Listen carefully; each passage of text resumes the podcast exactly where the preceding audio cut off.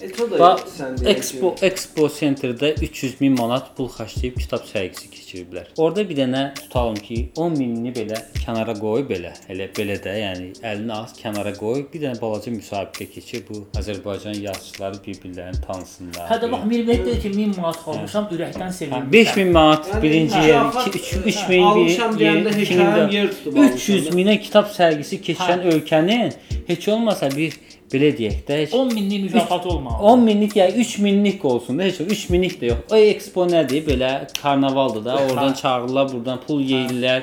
Yəni ən- ənənəvi ağılsızlıq davam edir. E, Məncə Cavid gəl bu mövzuya, yaxşı mövzuya toxundun. Bunu növbəti podkastda ha- saxlayaq. Hə, Bunu ayrıca müzakirə edək. danışaq. Ayrıca danışaq bax.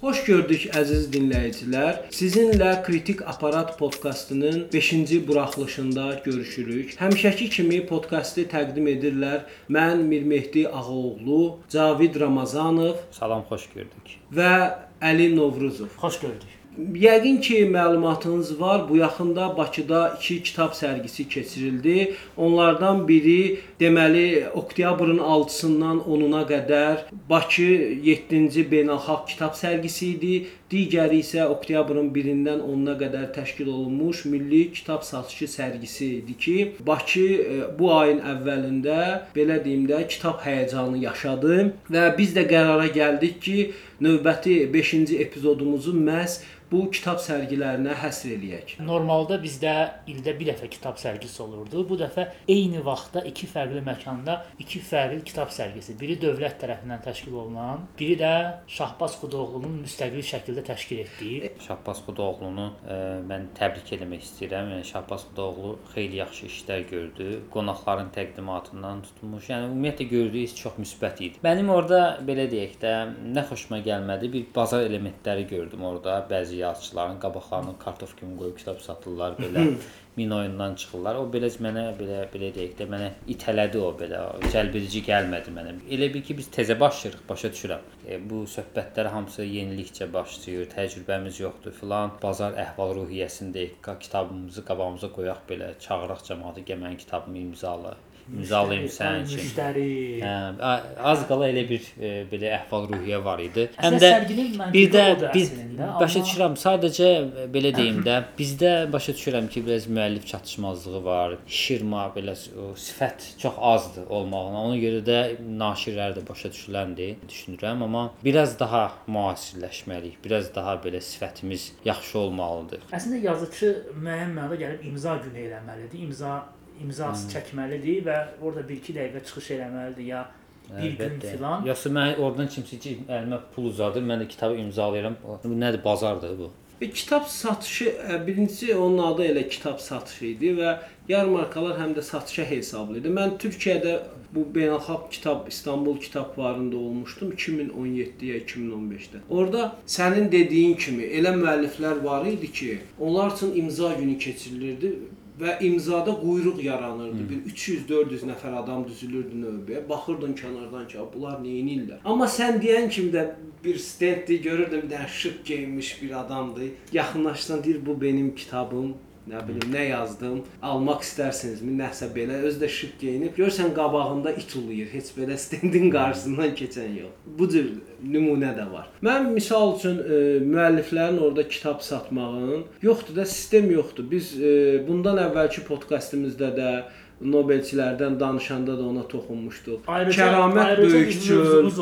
Tutalım, bəli, Əsəd Qaraqaplan mənim orada gördüyüm e, Şamxal Həsənov, Mənim dostum. sənin dostun, e, mənim də dostum. Onlar balaca bir masa qoyub öz kitablarını orada satırdılar. Şəxsən mənim əgər əlimdə kitabım olsaydı, mən də bir masa istəyib məmnuniyyətlə kitabımı satmağa çalışardım. Çünki başqa bir sistem yoxdur. Sadəcə burada bizdə o kitab təqdimatlarında da gedirsən görsən ki, ancaq qələm adamlardır da. başqa kənar oxucu yoxdur. Son illər bizdə belə bir hal yaranmışdı ki, mən sənin dalım 50 Novruzda kitab təqdimatıma gəlirəm. Yeri gəlmişkən gəlmişdim də. 2 dənə də kitab almışdım. Təşəkkür Sən də mənim təqdimatıma gəlməlisən. Və iki kitab İki kitab almalı. İnsanlarda e? toy, toy estetikası gəlib çıxmışdı bu kitab təqdimatlarına. Bu pandemiya baş verdi. Biraz bu toy bu yığışıldı. İstəyərdim kitab təqdimatına oxucu gəlsin. Oxucu da təəssüf ki, indi azdır da. Mil. Milli Kitab Satış sərgisində Şahbaz Xudoğlu'nun elədiyi sərgidə oxucu cəhətdən çox yaxşı idi. Mən orada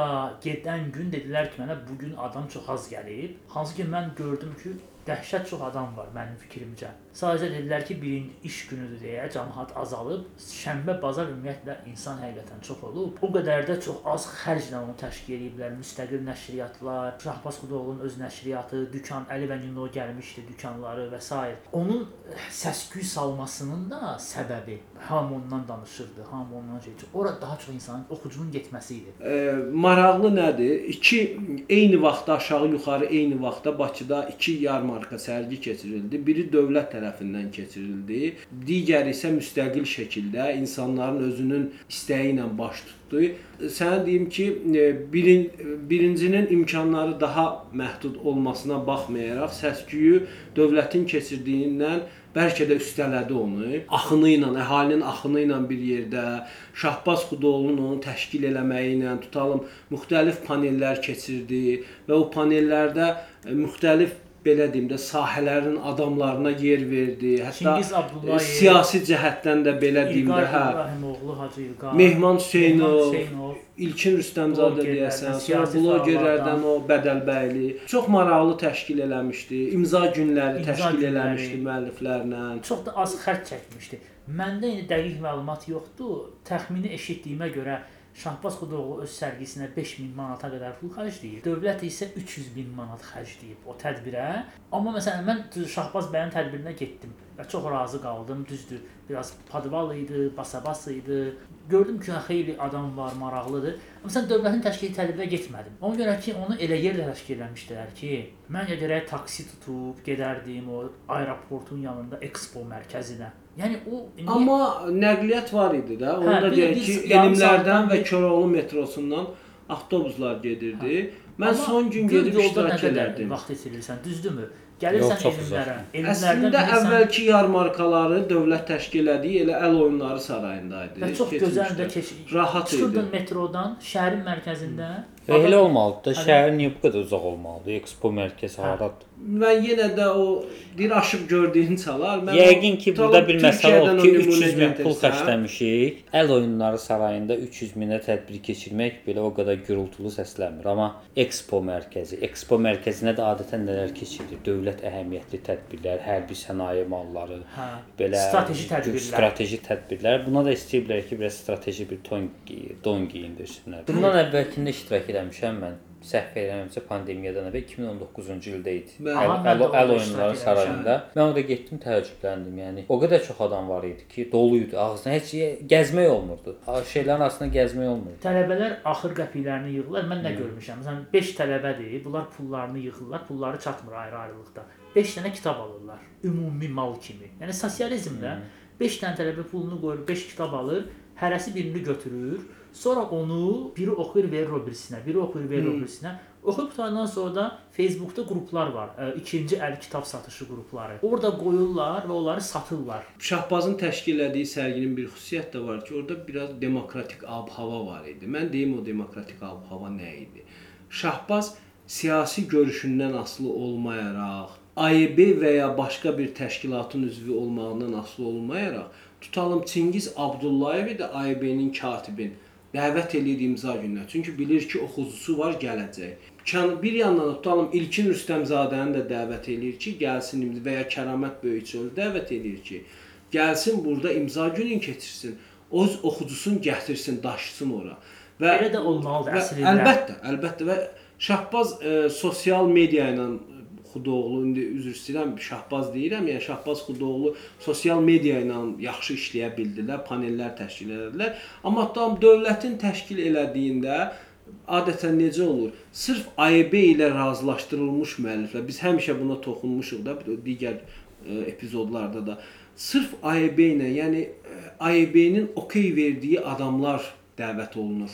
İmza gününə, təqdimata. AEB-dən kənar mən demək olar ki, görmədim. E, Bir də e, bu beynəlxalq sərgiyə tutalım e, kənardan müəlliflər Erkan Kesal dəvət olunmuşdu.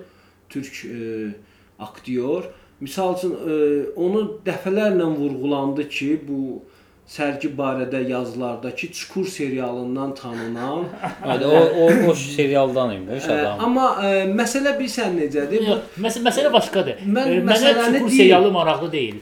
E, can yayınları, iletişim gəlmişdimi? mən onu yapı kredi deyərəm, gəlmişdimi? deyərəm sənə biz bir Exmo, Sinbad, Bəli. Rus məşriyyatları. Məsələ burasındadır ki, Erkan Kesal ə, Çukur serialından tanınır Azərbaycan oxucusu, izləyicisi. Amma məsələ nədir? O ə, ciddi bir ə, bir zamanlar Anadoluda Nuri Bilge Ceylanın filminin ssenari müəllifidir. Hadisəni o danışıb Nuri Bilge və orada oynayıb, öz həkim olub, bir yazıçı karyerası da var həm də. Çox belə şou tərəfindən təqdim elədilər. Bu Dövlətin mənə- bu liberallaşmasıdır da. Bu mənə şey gəlir. Bir də e, Yox, Ağıl eksi Yox, şey çukura girib ilk dinlər insan Azərbaycanda hansı serial maraqlıdır? Çukur. Davay Çukurun şeyin artistini çağıraq, gəlsin bizi reklam eləsin. Amma 2019-da pandemiyadan əvvəl mən bilirəm ki, Rusiyanın əksər böyük nəşriyyatları gəlmişdi. Bir bir neçəsi gəlmişdi. Mən gəlib özüm görmüşəm. Amma indi bu dəfə desən heç onların heç biri gəlməmişdi. Valla bu dəfəki mən e, bu sərgiyə beynəlxalq sərgi deməzdim. Mən əvvəl də siyahıya baxdım. Orada mən e, beyn Türkiyənin tanıdığımız, misal üçün bayaqdan bizim stolumuzun üstündə var da Can Yayımlarının kitabı, Yapı Kredi, İletişim, o tanınan nəşriyyatları.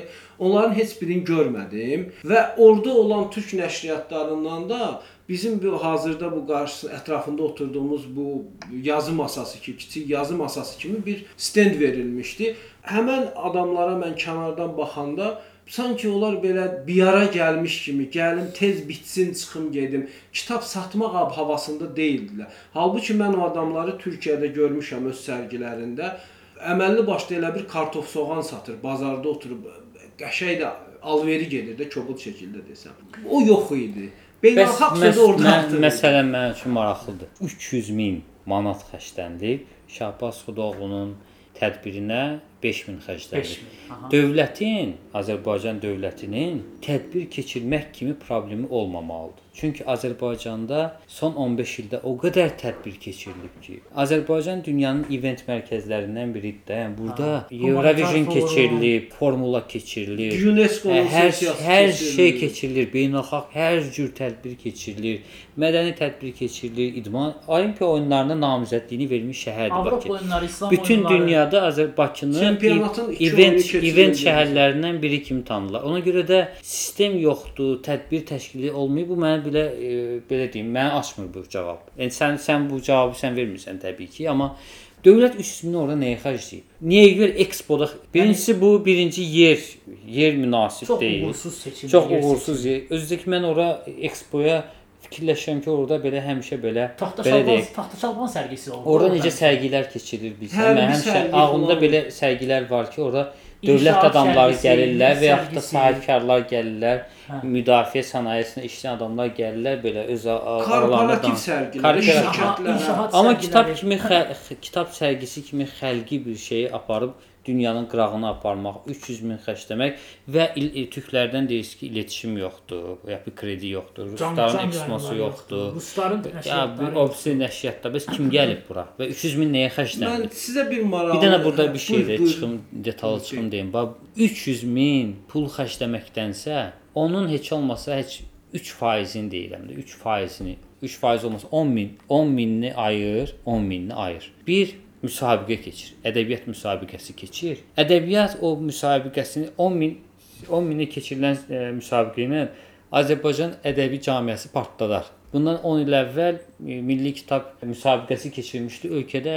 Nə qədər yazdılar? Bütün ədəbiyyat canlanmışdı. Yəni əsər verərəm mən hə. ümumiyyətlə. Yəni 10 min. indiyə qədər, indiyə qədər orada Milli Kitab müsabiqəsində çap olunan kitablar, e, qalib gələn kitablar indi indiyə qədər dillərdədir. Ki bilirlər ki, məsələn filan vaxt o oradan o Pərviz Cəbrayılın kitabı orada birinci Bəli, Qaraqanın kitabı, kitabı. çıxdı.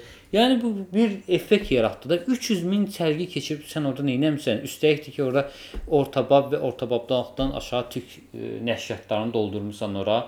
O onlar da mən təsəvvür edirəm nə kitablar gətiriblər, belə pafos, mafos. Türklərdə indi e, bu məşhur serial var. Qırmızı Oda Hə, qırmızı serialı, sonra Camdakı qız serialı. Onun yazarını dəvət eləmişdilər. Yox, o yazarı dəvət eləmirsən, üzr istəyirəm. Ona baxan kimdir? O Çukur serialına baxan adam bir məntiq olmalıdır, elə deyil. Çukur serialına yolunda o aeroport yolunda kitab sərgisinə getməyəcək. Gedəcək o çukurun şeyinə baxmağa, kitab almağa getməyəcək. Erkan Kesal əslində ciddi müəllifdir. Yəni həm də ciddi adamdır. Adam bir zamanlar Anadolu filmi Kanda yer amma tutub, Çukur kimi təqdim edirlər. Amma Elə təqdim etməsə bir dəfə olar Çukur kimi Mən yazarsan. məsəl üçün Amma bir zamanlar Anadolu olsa Ciddi məndə bir şey yaranardı. press-releaselərdə sən onu bir zamanlar Anadolunun ssenaristi kimi təqdim, Təqdim yəni, etsən o heç. təqdim etmə səhv idi. İkincisi, əlbəttə Qırmızı Odanın da müəllifin dəvət eləyirsən.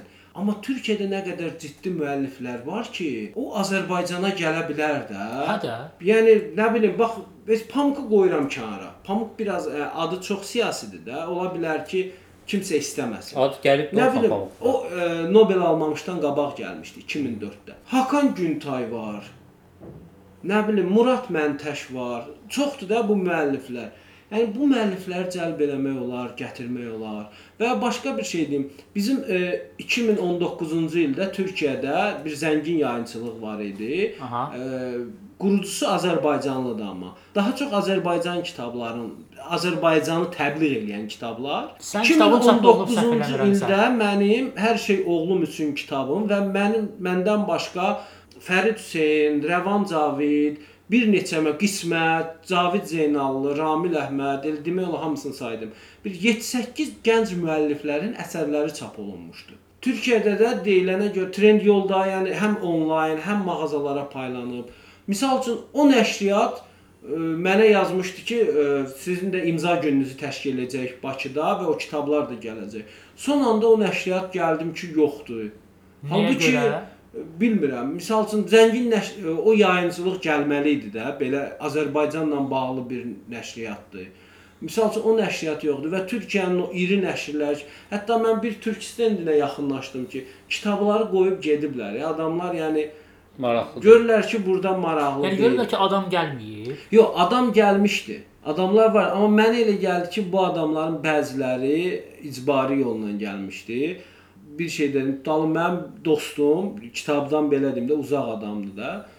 Qələm adamı falan deyil belə. Mənə zəng vurdu ki, mənə dəvətnamə verirlər, ora gedirəm. Ailəsini, uşaqlarını götürüb getdi, kitab da almışdı. Ümumilikdə yəni hər iki sərginin keçirilməsi yaxşı idi. Amma belə baxırsan ki, kənardan nə qədər çox demokratiya olursa, adamların özünə imkan verəndə naşirlərin o cür keçiriləndə daha səmərəli olur. Hə, belə mən belə başa düşürəm ki, bu elə bil bizim təzə nazirin bir növ belə güc göstərisi idi ki, baxın biz belə, yəni təzə nazirin də biz belə yeni e, köhnə e, kimi işləməyəcəyik, yenilik gətirmişik, islahatlar olub, artıq nazirlik mədəniyyətə daha ciddi yanaşır. Mən niyə getmədim Expo mərkəzindəki sərgiyə? Fikirləşdim ki, ayda mən ya taksiyə minib əlavə pul xərcləməliyəm, hansı bir kitabın pulunu taksiyə verməliyəm. Və ya da fikirləşdim ki, orada oturacağam, bir dənə ma- avtobusa, probkalarla aeroport yoluna çıxana kimi, oradan aeroport yolu ilə get. Na naqolay yoldur orası. Çox çox naqolay bir yerdədir. Yəni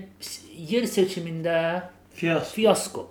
Yəni köhnə nazirlik, köhnə nazir daha yaxşı yer seçirdi. Açıq demək lazımdır bunu. Qonaq seçimində, yəni e, dəvət etdikləri. Mən baxıram ki, keçən e, axırıncı sərgidəki olan 1-2 ikinci, üçüncü dərəcəli rus nəşriyyatlar gəlmişdi. Bu dəfə heç onlar da gəlməyib. Yəni e, yəni sən e, sən plankan var da sənin. Sən da ki təzə nazirsən və ya təzə nazirliksən, təzə kitab şöbəsisən. Desən ki mən daha yaxşı işləyəcəm. Daha yaxşı işləmək nədir? Məsələn, keçən il Sinbad nəşriyyatı gəlmişdi rusların. Bu il sən Exmolu çağırmalısan. Nə bilim İnastrankanı çağırmalısan. O bir qadın var, e, Şubina, Yelena Şubina. Yelena Şubinanı çağırmalısan ki adam müasir rus nasirlərini tapır, çap eləyir. Şubinanı çağır, Şubina gəlsin, orada yeni müasir rus yazıçılarını təqdim eləsin. Və sən de ki, bax köhnə nazir Simbalı çağırmışdı.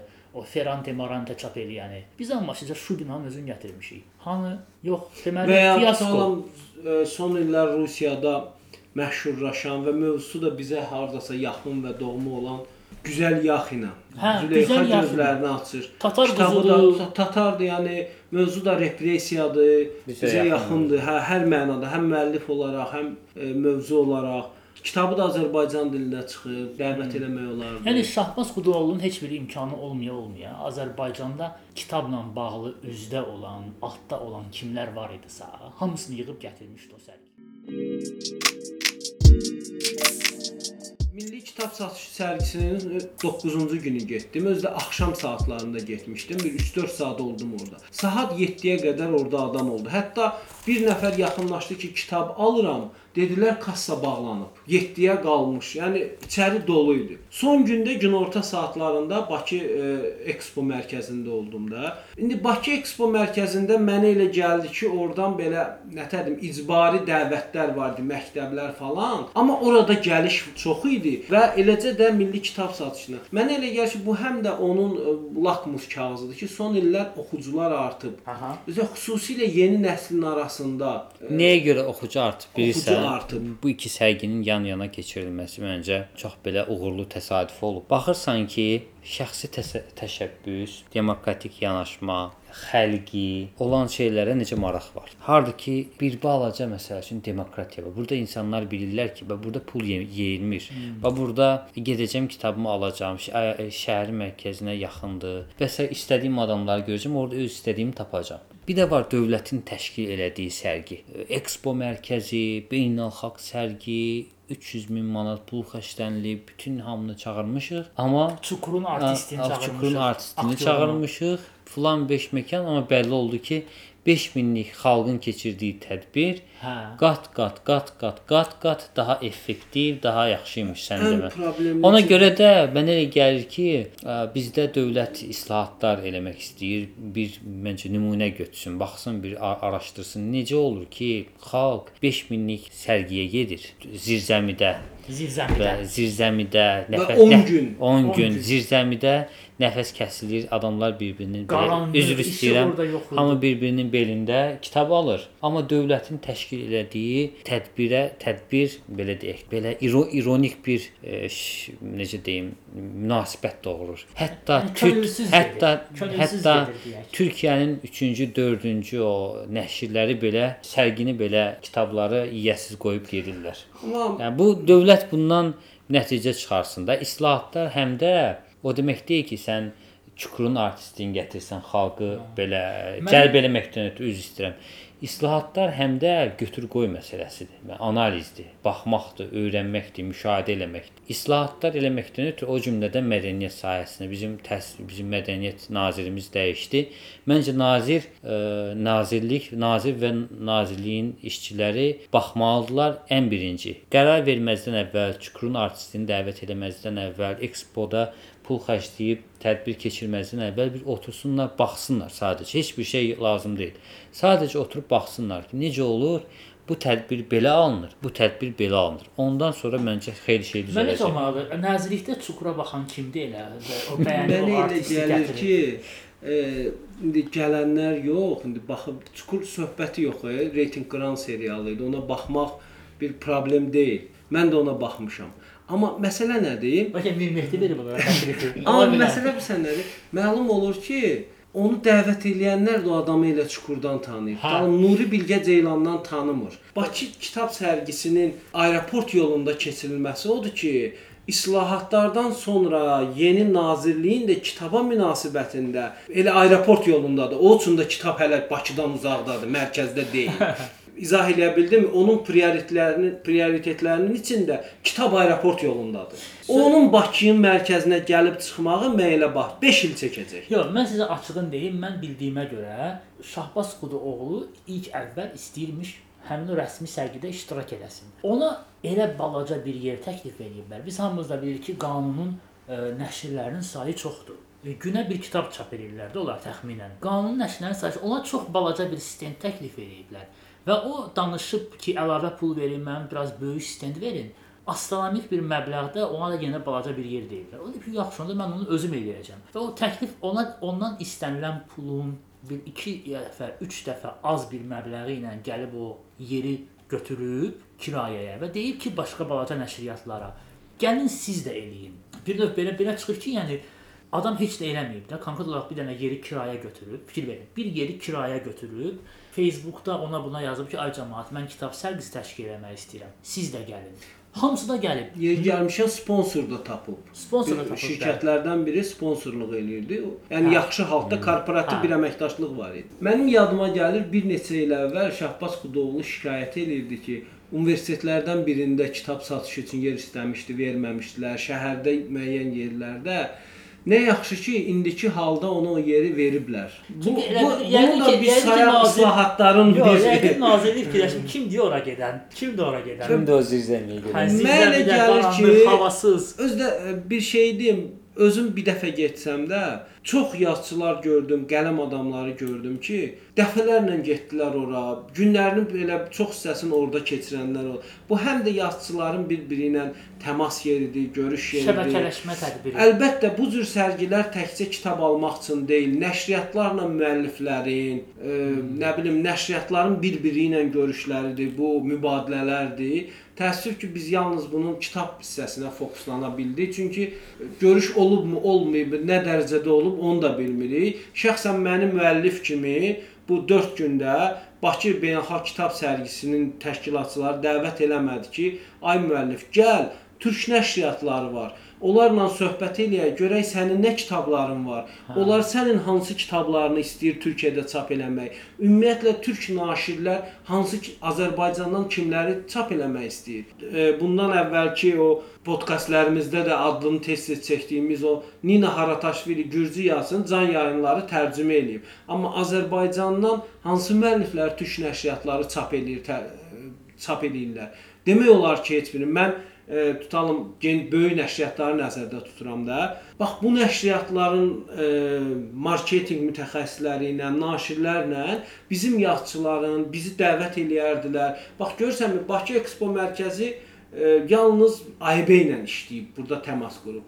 Mən inanıram ki, Şahbaz Xudolun əlində imkan olsa bu cür tədbir eləyərdi. Məsələn, naşirlərlə oturub söhbət elə bizim hansı kitablarımızı istəyə bilərdi. Əslində bu yarmarkaların məqsədi budur. Sən çox Kitab- şey istəyirsən. hə? Kitab satışı Həm bunun mükafat, sonuncu Həm həlqəsidir. kitabı Türkiyədə çap olunsun. Ha, elə bu bir Mən müsabiqə keçirmirlər nə Sən çox optimistsən.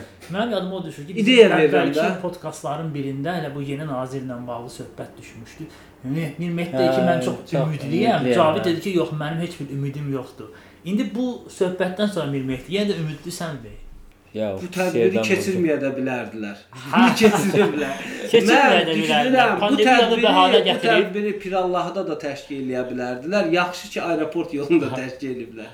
Baxın, mən hər şeyin içində Amma sən deyim balaxanda zəbt eləsəydilər daha maraqlı olardı. Məsəl üçün orada nəsə çəkib Gəlin e, belə deyək də. O qədər rəsmi görünməz. İndi bütün hallarda kitabla bağlı təşkil olunan tədbirlər lazımlıdır, maraqlıdır. Mən istəyərdim ki, bu cür tədbirlər daha demokratik əsaslarla keçirilsin. Şahbaz Xudoğlu kimi, yəni milli kitab satışı sərgisi kimi sərgilərin keçirilməsi üçün daha çox imkanlar yaradılsın. İl ərzində bir neçə dəfə müxtəlif bəhanələrlə belə deyim, tutalım yeni il yarmarkası, Novruz Əslində yarmarkası. üzr istəyirəm sənin sözünü kəsirəm. Buyur, kəs. Milli Məclisdə də bu səsləndirildi əslində. Fazil Mustafa çıxdı, dedi ki, bəs kitab təbliğ olunmalıdır, daha tez-tez keçirilməlidir. Səhv eləmirəmsə ƏDV bu- götürülməlidir Ha, kitabdan. müəyyən Ya, qədər də hə, o onda səsləndirdi ki, ədəbi götürülməlidir.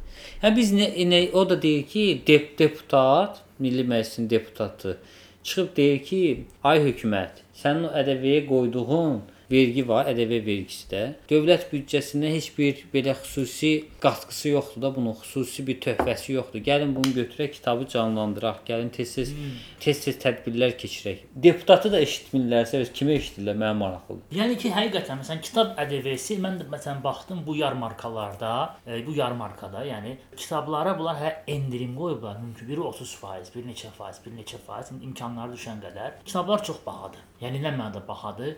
Mən 1-2 kitab alsam, hə, olar. Amma məsələn tələbə gəlir, tələbə kitab almaq istəyir oxumaq üçün də. Kitabı demir də tələbələr oxusun, təbliğ olunsun.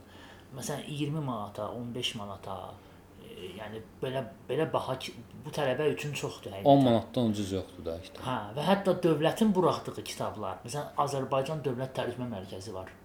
Çox yaxşı da kitablar buraxır. Amma kitab nə bilim neçə manat. Valla mən orada Expo mərkəzdə onların bir stendini gördüm. Bir Markesin kitabı var idi. Soruşdum neçə idi? Dedilər 25 manat. Hə, Mən onların marketinq mütəxəssisinə əhsən dedim ki, əhsən 25 manata Markesin kitabı və Onu da kitabın yaz. içində də dem yalnız bir roman təzə idi. Bəlkə o da mənim gözümdən yayınıb, o da təzə deyil bəlkə də. Qalan hamısı hətta 78-də o tərcümə olunmuş əsərlərdir. Yəni kitaba qiymət qoyma mexanizmi də yanlışdır. Məsələn, bax Şahbaz Xudoğlu Markezin bir əsərini çap eləyirsə, onu məsələn eləməlidir. Tutaq ki də məsələn 20 manat, 25 manat Şahbaz Xudoğlu qoya bilər. O mənada ki, o özəl nəşriyyatdır, gəlir götürmək istəyir. Amma sən Az- Nazirlər Kabineti yanında dövlət tərcümə mərkəzisən, sən dövlət qurumusan, sən pul qazanmırsan, səni dövlət subsidiyalaşdırır və dövlətin də məqsədi odur ki, sənə pul verməkdə. Sən kitab işini təbliğ eləyəsən. Sən kitabı 35 manata qoyursan, özəl nəşriyyat kitabı 10 manata qoyur. Bu nə deməkdir? lap kitab Bu nə deməkdir? satışdan əldə edə bilərsən, e, kitab satış məqsədi ilə çap eləyə bilərsən. Bu Strategiya adamın səhvdir. sadəcə olaraq dünyadan xəbəri yoxdur. Amma Strategiya səhvdir. Strategiya Hə, yəni səhvdir. sən qiymət- dövlət qurumu olaraq qiyməti daha da aşağı strategiya, strategiya çox belə ehtişamlı sözdür. Strategiya nədir? Sistem ehtiş sistemdir, strategiyadır. Bunlar çox belə təntənəli sözlərdir. Yəni Nə biz sən sanki gözləyirsən ki, bir strategiya qurulub, amma yanlışdır və yaxud da strategiya qurulmur. Yerli dibli Yəni adam 78-ci ildə çıxan Markezin əsərlərini bir yerə toplayıb 25 manat üstünə pul qoyub. Adam Expo Centerdə adamlar sərgi keçirirlər, heç kim də dəvət eləməyiblər. Yəni bu bu strategiya İndi deyil, mən bu başqa şeydir. strategiyanı deyim də. Marquez dünyada çox artıq köhnəlmiş bir müəllifdir, sözün həqiqi mənasında. Yəni Marquez epoxası çoxdan bitib. Nə bilim Abdurrazzaq Qurnadan danışırıq, kimdən danışırıq? Roberto Ha, Bolaño'dan danışırıq. Bolaño'dan danışırıq. Nə bilim o qədər müəllif Julian Barnes'dan danışırıq. Yeni dövrün müəllifləri, yanaşmaları var. Tutan tərcümə mərkəzi Qurnanı çevirməlidir. Düzdür, Ishiguro'nun əsərini çevirib o günlərdən qalanları. e, Bilmirəm Nobel alandan sonra çevirmişdi, əvvəl çevirmişdi. Alandan sonra Amma- yəqin ki. Amma bu proses davamlı getməlidir. Yəni son müəlliflə Marquez erası artıq bitib tükənib. Hər də Henrich Marquez- Bölü tərcümə eləyirlər. Hər də Henrich Bölü tərcümə. Henrich Böll dünyada Henrich Bölü heç bir alman tanımır ya artıq. O qədər yəni bitib, e, köhnəlib. Yəni mövzular heç Henkenin özünü tanımırlar artıq. Yəni yeni dövr, yeni müəlliflər var. Bu işləri görmək lazımdır. Mən istəyirəm axırda bir belə təklif kimi bir şey deyək. Məsələn, mən fikirləşirəm ki, kitab sərgisi eləyirlərsə, bunu bir bayram formasında eləməlidirlər, bayram. Yəni bunu e, inşaat malları sərgisi, Dərnəgül kimi eləməməlidirlər. Yəni Dərnəgül kimi eləsən kitab e, sərgisini, sənə sənə də kitaba münasibət də o taxta şalbana olan münasibət kimi olacaq. Bu bir bayram formasında olmalıdır. Açıq havada, kafedə, restoranda, muzeydə, bir neçə məkanda eyni vaxtda, şəhərin fərqli-fərqli yerlərində. Sonra qonaqlar çağırmaq lazımdır, yaxşı qonaqlar, tənqidçi, yazıcı. Lap 300 min yoxdur. O 300 mindən nə qədər? Orxan Pamuk nə qədər pul istəyəcək ki, Bakıya gəlməyə? Orxan Pamuku çağır gəlsin. Bir Nobel Ishiguro'nu çağır, 50 min ver çağır. Alekseyeviçi çağırır. No, Alekseyeviç çağırsalar Lukashenko inciyə bilər bizdən. O olmasın, başqasını çağır. Yəni ki, o qədər Yox, Bukovu çağır. Rusiyadan. Gəlsin bir dənə leksiya oxusun. Azərbaycan yazıçıları Rusiya yox, ədəbiyyatında. Ataol Bəhramoğlu hələ sağdır da, yəqin O ki. özdəki Azərbaycan Azərbaycanlıdır, özü də, də. Azərbaycanlıdır, Azərbaycan dostudur. Yazıçılar Birliyinin qurultayına gəlmişdi Hə, 5-ə. Mən ondan müsahibə götürmüşəm. Azərbaycanda rus ədəbiyyatı kifayət qədər populyardır. Hamısı da indi bu dəqiqə indiki gənclər onu türk dilindən oxuyur. Ataol Bəğramoğlunun tərcüməsindən. Tərcüməsi. Hamı da Dostoyevski ilə yanaşı Ataol Bəğramoğlunu tanıyır. Çağır Ataol Bəğramoğlunu gəlsin, gör o ekspo Pir Allahı da olsa cəmaət gedəcək ora. Hə?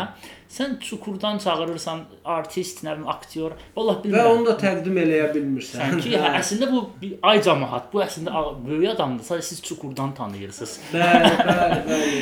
Hə. Həm də çukurdan də, desək, həm də çukurdan tanıyırsınız. Sizin onda belə son sözlərinizi götürək və yekunlaşdıraq bu sərgi ilə bağlı. Mənə elə gəlir ki, bu sərgi var ha. Mədəniyyət Nazirliyi onu belə üzücü bir iş kimi baxıb. Yəni bu bir iş kimi baxıb. O ürəkdən gələ, gələn bir bir şövqlə eləsəydilər o bayramda olacaqdı. Orda yaxşı qonaqlar da olacaqdı. Bilsən necədir? İstəyirlər ki, belə kitaba hörmət eləyirik, kitabı dəyərləndiririk. Kitab bizim üçün Bakıda kitab da keçirilir. Baxın, biz Expo mərkəzinə kitab keçiririk. Bu başa düşməmək. Bu qlamur, qlamurluqdur. Yəni kitab qlamurluq vasitəsi deyil. Bu kitab aboy bu, rəngində. bu belə olmalı deyil.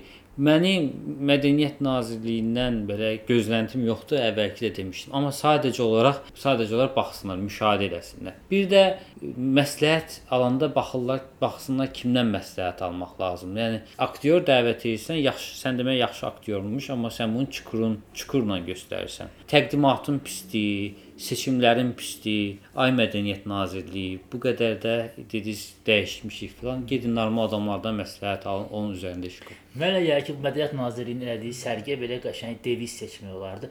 Hər aboya uyğun kitab. Bakı Expo mərkəzi. Hər aboya uyğun kitab. Mən də e, bayaq da dedim, bu onu göstərdi ki, nazirliyin, bu mədəniyyətdən məsul adamların mədəniyyət prioritetləri içində kitab hələ də aeroport yolundadır və onun şəhərin mərkəzinə nə vaxt gəlib çıxacağı müəmmalıdır. Bax belə. Belə Hı, əziz dostlar, təşəkkür edirik dinlədiniz. Bizim e, podkastın 5-ci epizodu da burada sona çatdı. Minnətdarıq. Sağ olun. sağ olun.